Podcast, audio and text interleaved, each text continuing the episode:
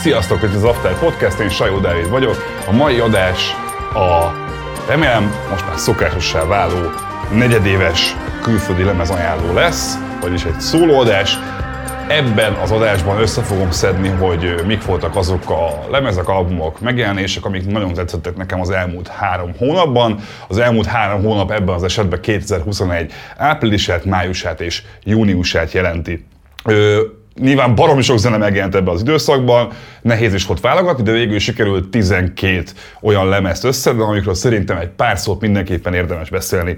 Kezdjünk is hozzá. Az első ilyen a Crumb Ice Melt című lemeze. Vártam is ezt a lemezt, meg egyébként nem is, és ennek az az oka egyébként, hogy a Crumb zenekar az egy ilyen meglehetősen érdekes jelenség, mert hogy az egy, egy első olyan zenekar volt, akiket elkezdtem úgy kifejezetten Spotify-ról felfedezni magamnak. Ugye a Crumb egy, én egyébként azt hittem, hogy, hogy valami európai vagy brit zenekar, meg hogy valami Ninja Tune-os kiadónál vannak tutira, de nem, ez egy brooklyni formáció, és ilyen Régebben erre trip hopot mondtak, ma már egyébként szerintem ez nem a legjobb kifejezés rá, de lényeg az, hogy ez az a fajta zene, amit akkor hallgatok én, amikor mondjuk itt szeretnék a háttérbe hallgatni valami király, klassz zenét, amire néha odafigyelek, de nem igényel akkora nagy odafigyeléssel tud menni a háttérbe is, de közben ha odafigyelsz rá, akkor észreveszed benne tök jó kis részleteket, és a Crabnak a zenéi abszolút ilyenek. Ha valami finomabb, lágyabb, faszább ilyen, ilyen elszálló zenét kerestem, és hogy beraktam a Spotify-on, amit tudom én a XY dalnak a rádiója, akkor valami nagy esélye mindig kiadott egy-két Crump számot, és szép lassan elkezdtem így figyelni, hogy ők mit csinálnak. És valami érdekes, hogy az Ice Melt lemez, és ezért is mondom, hogy miért nem vártam, mert én sokszor azt érzem, hogy az ilyen ninja túnos zenék, mint mondjuk a Bonobo és társai,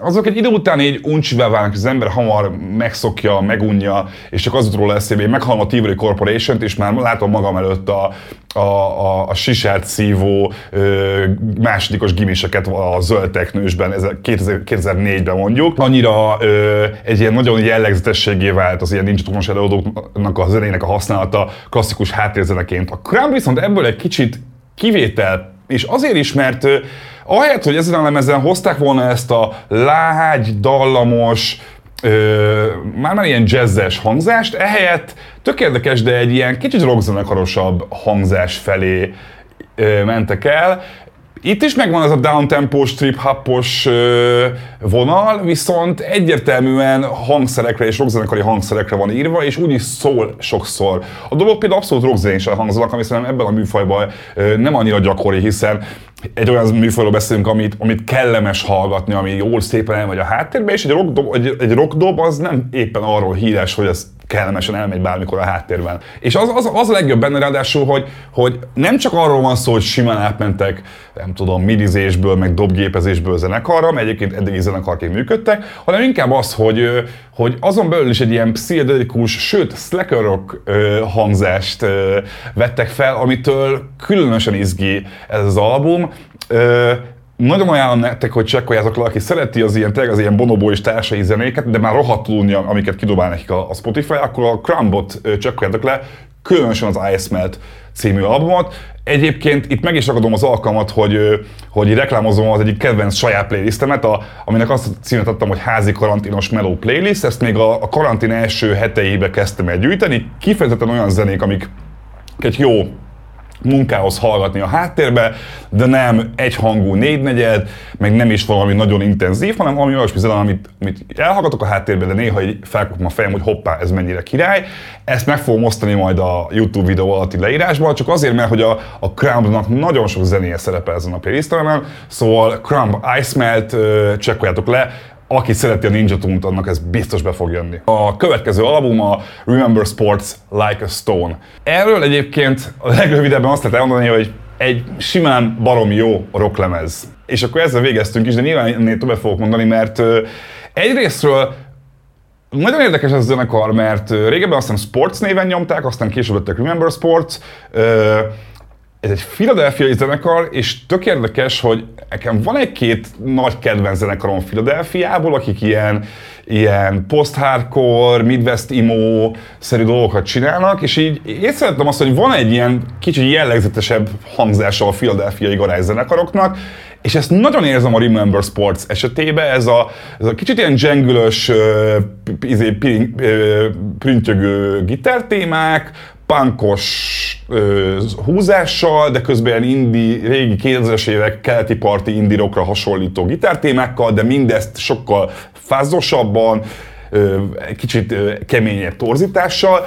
Ez a Like a Stone, amit még különlegesebbé tesz az, hogy az énekesnőnek meghatároztatlan módon, vagy hát nem is tudom egyszerűen va, ilyen texasi country akcentusa van, amitől az egész zenének ilyen nagyon fura feelingi lesz, mert hallod rajta, hogy ez a zene ez nagyon nem texasi, nagyon nem country, hanem egy keleti parti garázs rock per indie rock lemez, viszont ettől a fura akcentustól egészen érdekes megvilágításba kerülnek a számok, és az is valami jó benne egyébként, hogy hogy van benne matek rock, van benne noise rock, van benne punk, vannak rajta ilyen power pop balladák, szóval hogy igazából így a, a rockzenében minden jót így fogott, és egy-egy számba így kipróbálták, és egyszerűen én még máig úgy vagyok vele, hogy, hogy, hogy nagyon tudom értékelni azt, amikor valaki hajlandó egy, egy ilyen feel good rock lemezt csinálni, ami vannak slágerek, vannak öncéloskodások, vannak néhol szólók, vannak kétperces számok, mert hogyha ezt olyan átélésre adod elő, hogy te elhiszed, hogy abban a pillanatban ez a világ legjobb zenéje, azt a hallgató is érezni fogja, és én pontosan ezt érzem enni az albumnál, szóval Remember Sports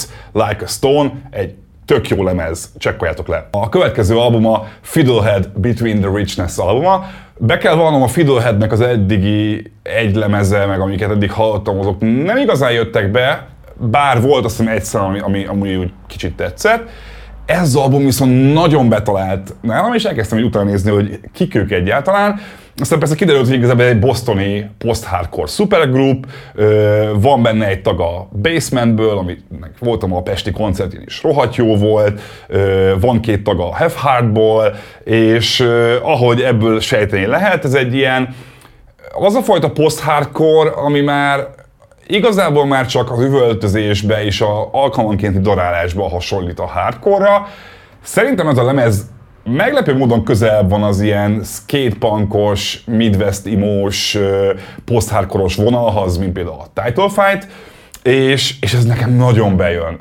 A Title Fight-nak a, a, a legutolsó lemeze az nekem már túlságosan súgézes volt, egyébként ab, vannak ilyen súgézes részek is ezen a lemezen, de egy kicsit hiányoltam belőle azt a nyersebb, ordibálós pörgést és őszinteséget. Na ez ebben a lemezben megvan, szóval aki a kései, vagy a, a korai title fight nagyon szereti, és nagyon hiányzik neki az a hangzás, akkor a Fiddleheadnek a Between the Richness lemezét mindenképpen csekkolja le, mert ott meg fogja találni a számításait, mert van benne tényleg darálás, ilyen skatepunkos témák, egy kis sugéz, ordibálás, nagy kiállások, egyszerűen amit ettől a műfajtól az ember így elvárhat, az így mind, mind benne van, és egyébként ahhoz képest, hogy ez egy kvázi supergroup, ahhoz képest meglehetősen őszinte és, és erős ez az album. Nem érzem rajta azt, hogy ez csak egy ilyen stílus gyakorlat lenne, mint a legtöbb supergroupnál ez szokott lenni. Az fontos, hogy, hogy igen, nyers, sokszor nagyon dühös és gyors, de egyébként vannak rajta ilyen lassabb, már-már indirokra hasonlító ö, zenék, mint például a Joyboy,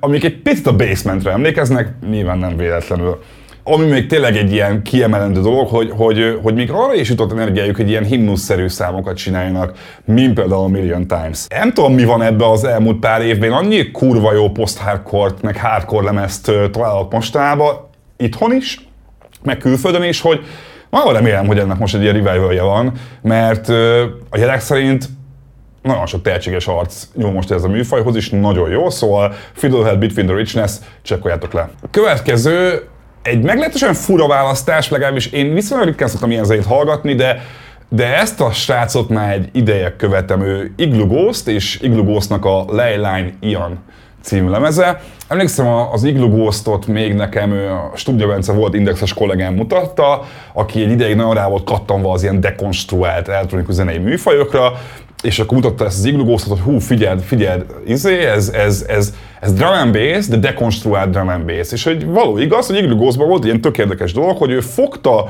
a klasszikus ilyen drum and bass elemeket, meg hangzásokat, meg témákat, meg, meg hangokat, lebontotta az atomjaira, és teljesen másként újra összerakta. És, és le voltam nyűgözve, mert egyébként a drum bass szerintem már nagyon hosszú évek óta nem tudnak igazán semmi újat kihozni, pedig egyébként rohadt sok potenciál van benne, és én magam is kavanszként nagyon-nagyon sokat jártam bulizni, sokat is hallgattam. És Iglugósznál éreztem azt, hogy na ez az a hangzás, ez az az újszerű úttörés, ami, ami, ami az eltűnő zenében engem tényleg le tud kötni, és tényleg tud érdekelni. Ehhez képest a Leyline Ion egy nagyon más lemez.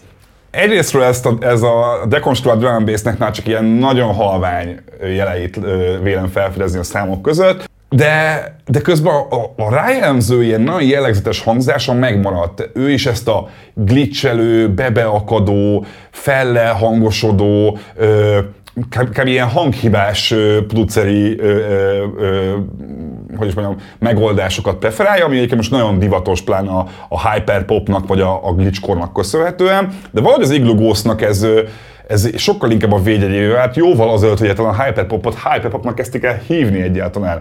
És az benne a tök jó, hogy, hogy ő ezt az akadozás, glitchelést, laggolást, ezt ilyen nagyon egyedi módon csinálja. Nem csak azt érzem, hogy jó, mindenben egy, egy, kis, egy kis hangkibát, hogy olyan legyen, hanem érzem rajta azt, hogy minden kis apró megakadás, minden kis apró laggolásnak pontosan megvan a szerepe, és hogy miért akkor történik úgy, ahogy. Ami másunk nagyon érdekes még, hogy, hogy nehéz hallgatni való, mert a basszusok meg a dobok egészen ö, furcsa ritmikában ö, hallhatóak, nem igazán tudod semmilyen műfajhoz ezt besorolni, viszont van rajta két dolog, ami nagyon jellemző majdnem minden számra, egyik az ilyen é- éteri női vokál, a másik pedig a vonósok. Rengeteg vonós van a számokban, és annyira izgalmasan nyúlik a, nyúl a, a vonósokhoz, meg a vonós mintákhoz, ahogy ez a, olyasmi az egész, én azt is írtam fel magamnak, hogy olyan érzetem volt, amikor ezt a lemezt hallgattam, mint hogyha egy ilyen steampunk RPG-t játszanék, ahol a zeneszerző egyszerre próbálta a 19. század vagy az előtti zenét kombinálni valami nagyon jövőszerű eddig ismeretlen hangzással. És itt, itt megkapjuk Igloo Ghostot, egy ilyen nagyon fura egyvelegét a, a, a tradicionális szép zenének, mert a vonós, ugye, meg a hegedű zenéket, azokat amúgy általában szépre szoktuk ha, ö, tartani, meg a klasszikus szép, kitartott éteri női énekkel, ami alá meg olyan basszusokat, meg olyan dobokat, meg olyan, főleg olyan dobbasztusrak, amit nem nagyon hallasz máshol. Ö, baromi izgalmas, és semmihez sem hasonlítható Iglugósznak a zenéje. Szerintem a, a, amennyire én meg tudom mondani, szerintem a,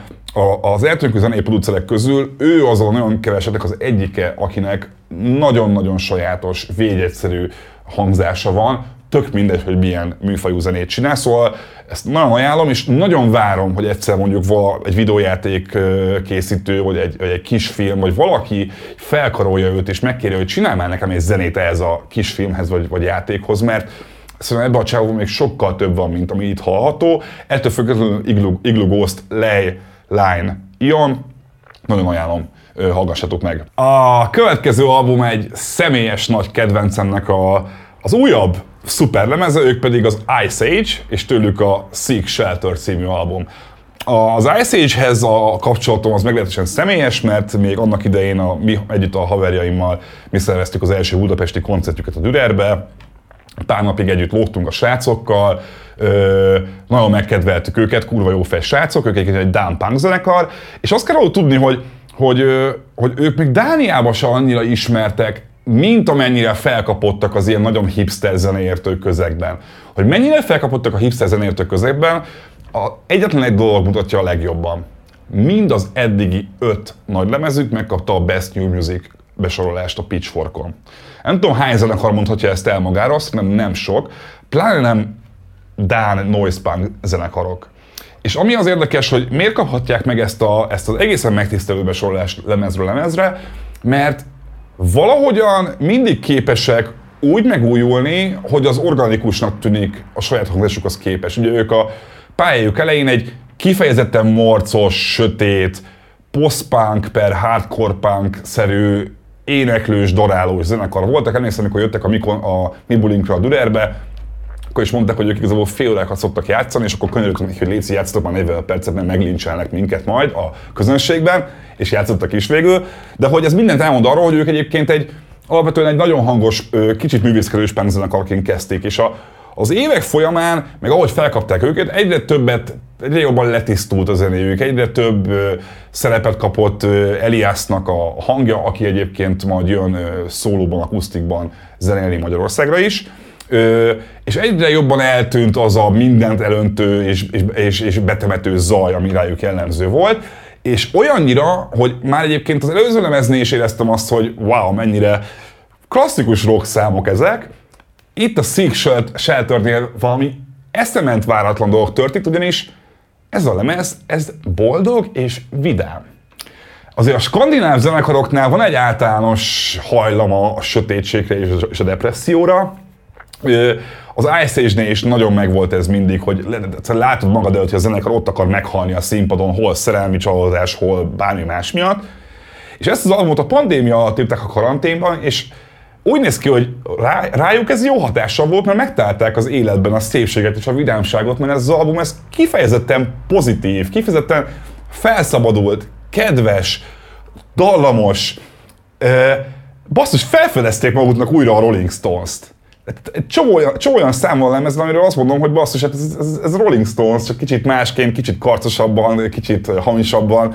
A, a Dear Saint Cecilia című számok az egy full Rolling Stones szám szerintem de hogy én megjelenik benne a country, a, a szájharmonika, van, vannak ilyen power balladák, mint például a Ghost City.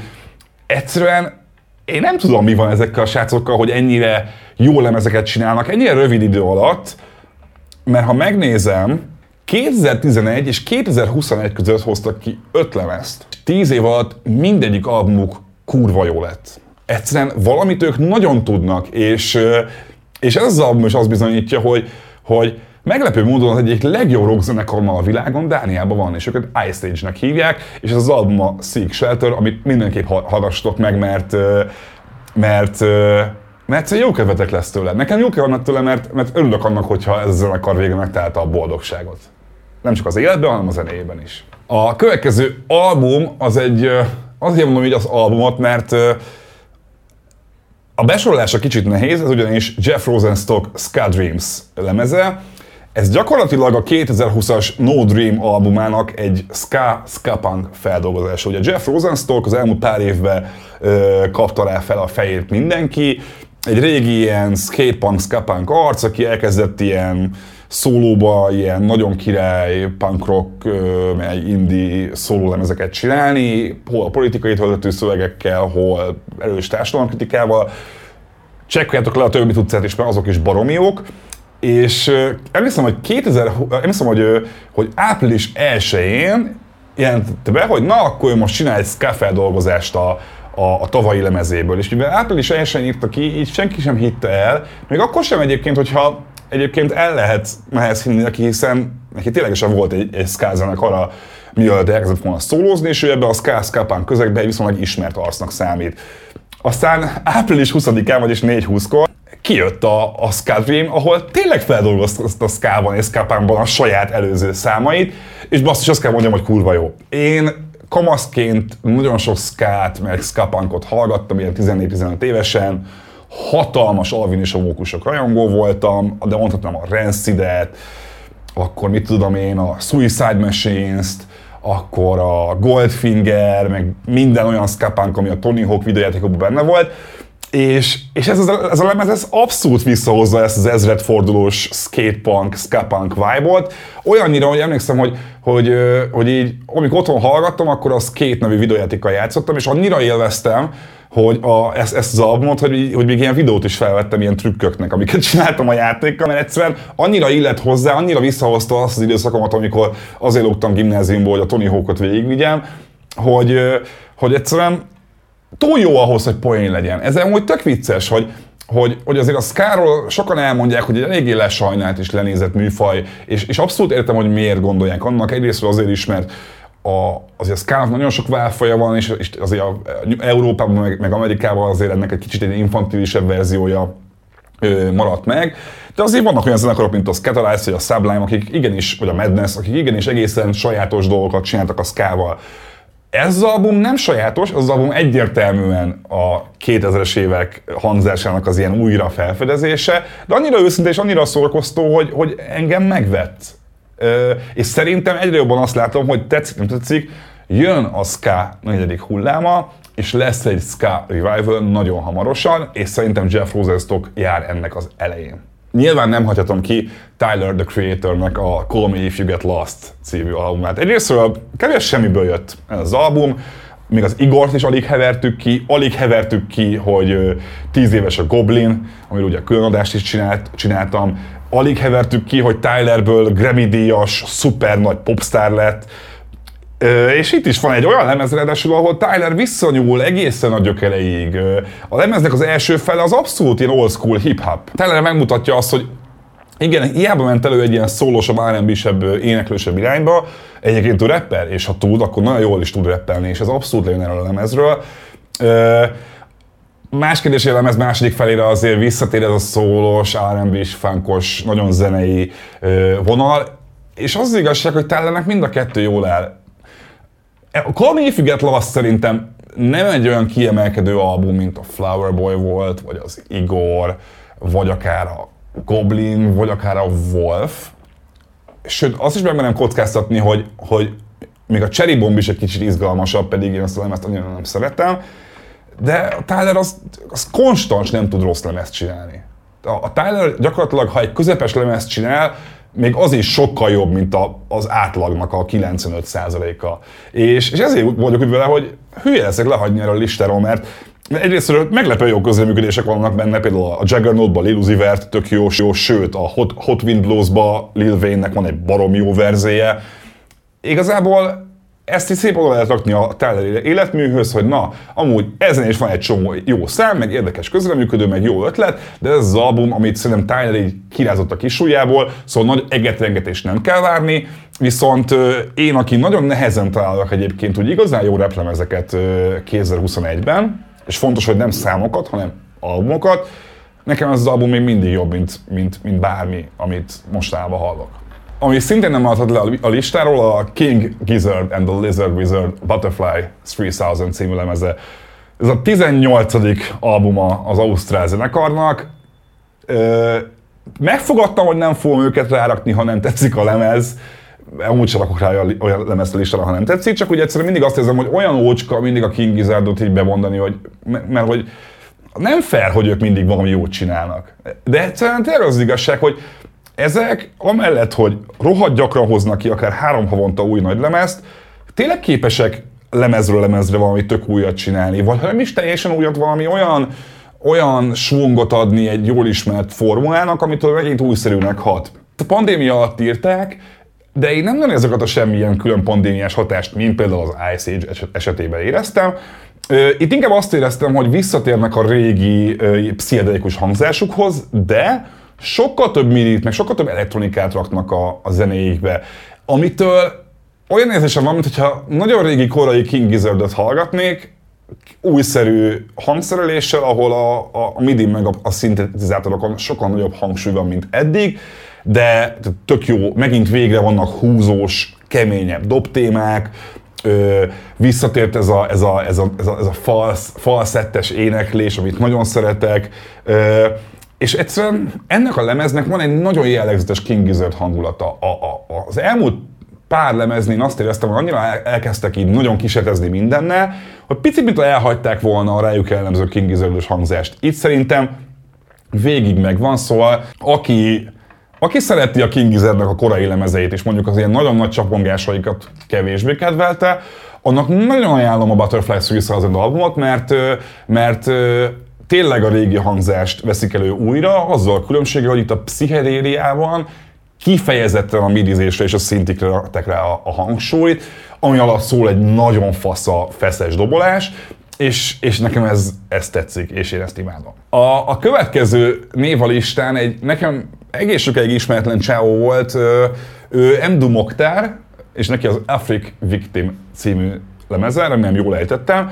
Mdu Mokhtar egy nigeri tuareg gitáros, aki Sahara rockot játszik, ezt így szokták hívni, vagy sivatagi rocknak direkt nem hívnám, mert ugye a desert rock egy tök más műfaj, ezt Sahara rocknak is szokták hívni. Róla azt kell tudni, hogy hogy azt írják róla, hogy volt az első, aki elektromos gitáron kezdett klasszikus Tuareg gitártémákkal kísérletezni, és, és egészen véletlenül futottam bele ebbe a lemezbe, mert nekem van egy pici, hogy is mondjam, egy kicsi averzióm azzal kapcsolatban, hogy mennyire divat lett az ilyen fehér középosztálybeliek körében isteníteni az afrikai zenét. Való igaz, hogy nagyon nagy reneszánszra van az afrikai zenéknek, Való igaz, hogy szerintem annyira elfáradt már a nyugati ö, gitár és, és rockzene, sőt még a klubzene is, hogy egyszerűen... De sokszor azt hiszem, hogy ez csak egy ilyen sznobizmus egy picit, hogy mindig olyat kedveljünk, amit kevesen ismernek, már pedig az afrikai zene, zene mindig egy olyan dolog, amit nagyon kevesen kutatnak igazán, és nagyon kevés dolgot tudunk róla, ahhoz képest mennyit tudunk például az angol zenékről. Ez az album viszont fantasztikus. Ha valaki szereti a, a Tina Rivent, akkor Emdu Moktárt imádni fogja.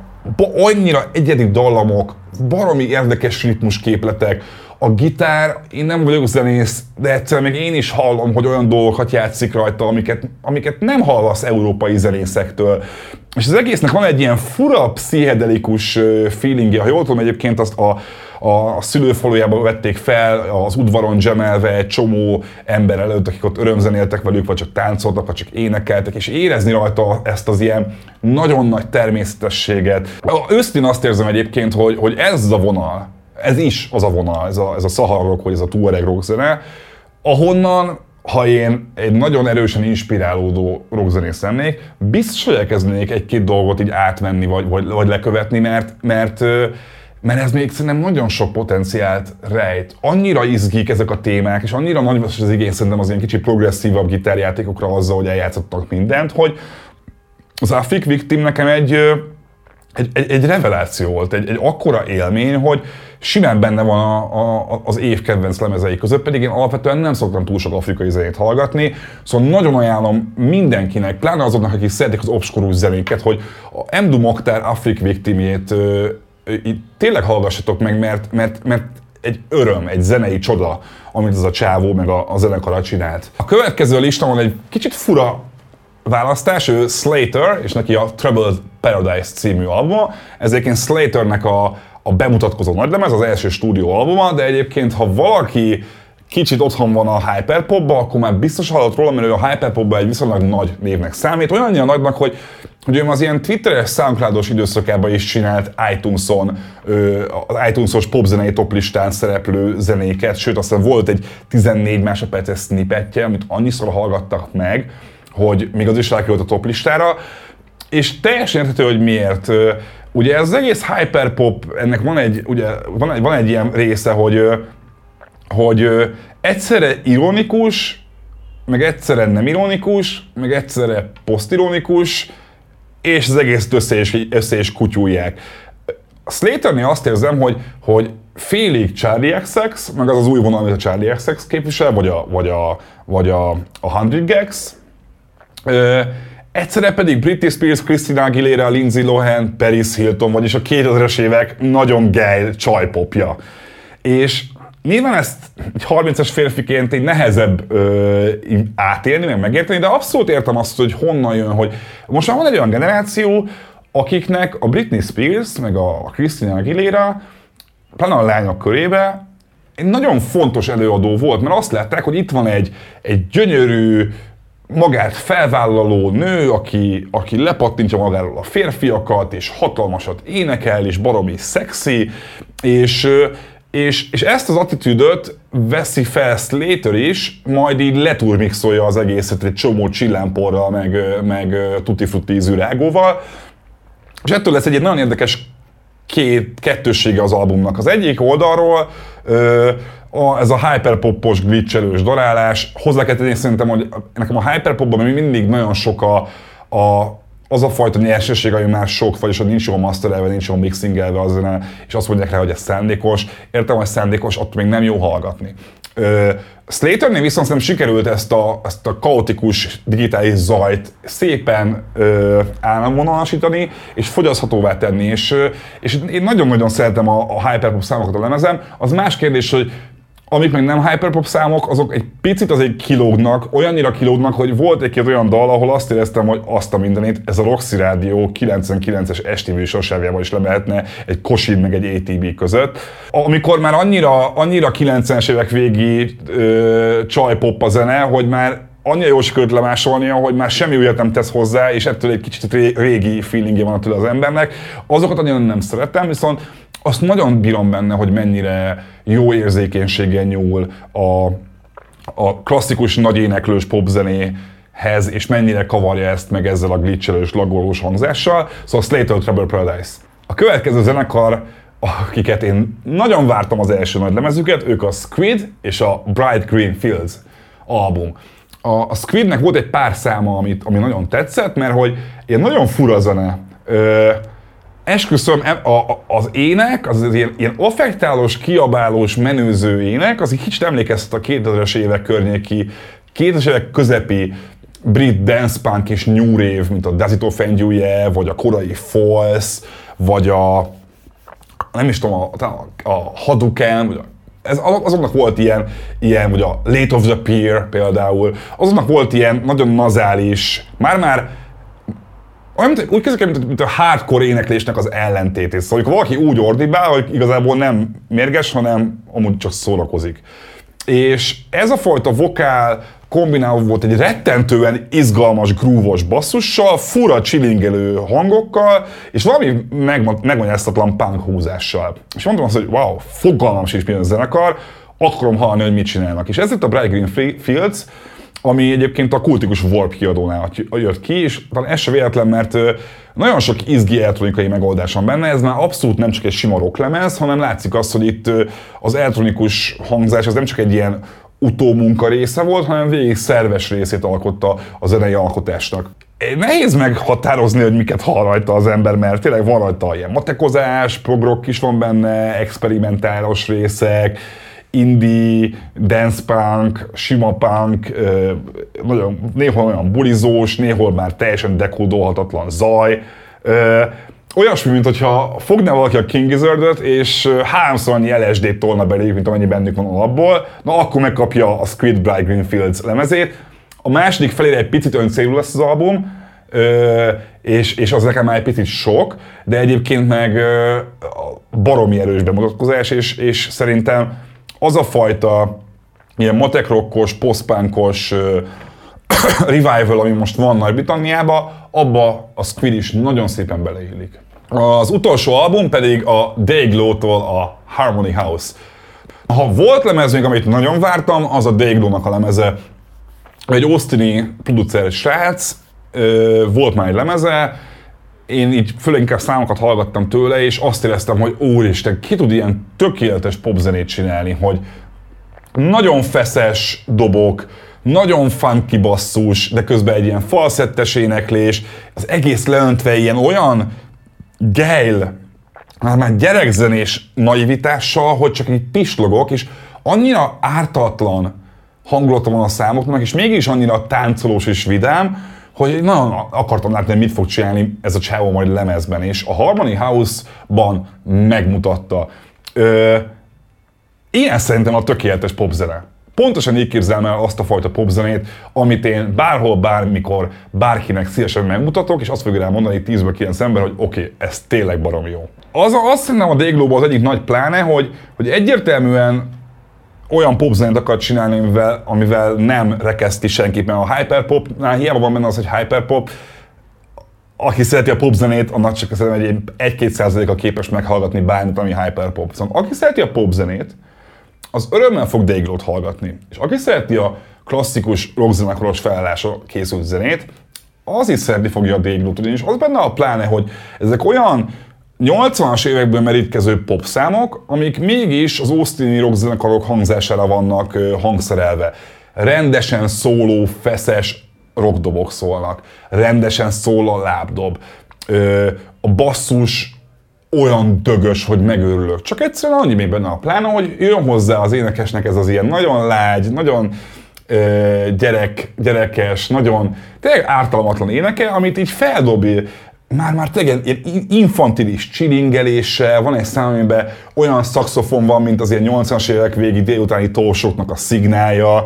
Egy idő után annyira elviszi 80-as évekbe az egészet, hogy nekem meg kicsit sok is a lemez vége felé, de, de ez az azon ritka ö, lemezek egyike, ahol, ahol a, a naivitásból eredő ö, gicsesség az egyszerűen barom jól működik, és én, aki a szinti popot így csak nagyon módjával kedvelem, nem tudom értekelni, amikor valaki a szinti popot nem úgy lopja el magának, hogy akkor egy az egybe át, átemeli a dobokat meg a szintit, hanem inkább csak megtartja ezt a tempót, meg ezt a dobképletet, és arra ráhúz egy kicsit más hangszeres megoldást. És a Déglo szerintem ebbe baromi jó, és és én nem, nem tudok csalódni ebbe a csávóba, alig várom már most a következő lemezét, mert, mert egy ember egy ennyire fasza, teljes zenekari lemezt ö, szerintem ritkán tud összerakni, és ritkán tud ennyire ennyire kedves, és ennyire vidám, és ennyire szerethető lenni, szóval a Dayglow Harmony House, hallgassatok meg, nekem az egyik kedvenc lemezem idén. Ez volt az eddigi, ez volt a, a kedvenc 12 külföldi albumom 2021 április-május júniusban. Írjátok meg, hogy nektek mi volt, nem magyar lemezeket, az az előző videó, hanem külföldi lemezeket. Írjátok meg azt, hogy, ha, hogy szerintetek mi az, ami tetszett erről a listáról, mi az, ami nem tetszett, mi az, amit nagyon hiányoltok róla, és rajta kellett volna lenni.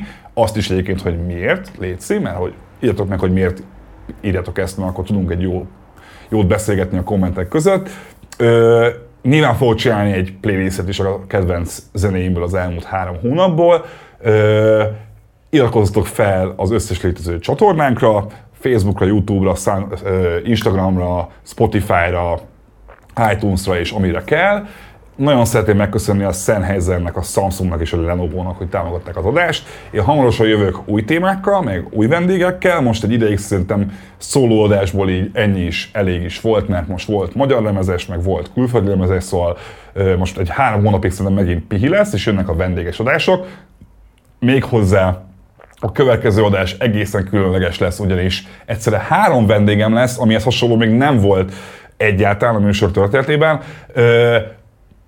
Meg is látjátok majd, hogy nem is lesz egyszerű, nem mondom el ki az a három, de annyit mondok, hogy három magyar rapperről, vagy a raphez kapcsolódó előadóról van szó, akik egy közös lemez fognak kihozni, nagyon hamarosan.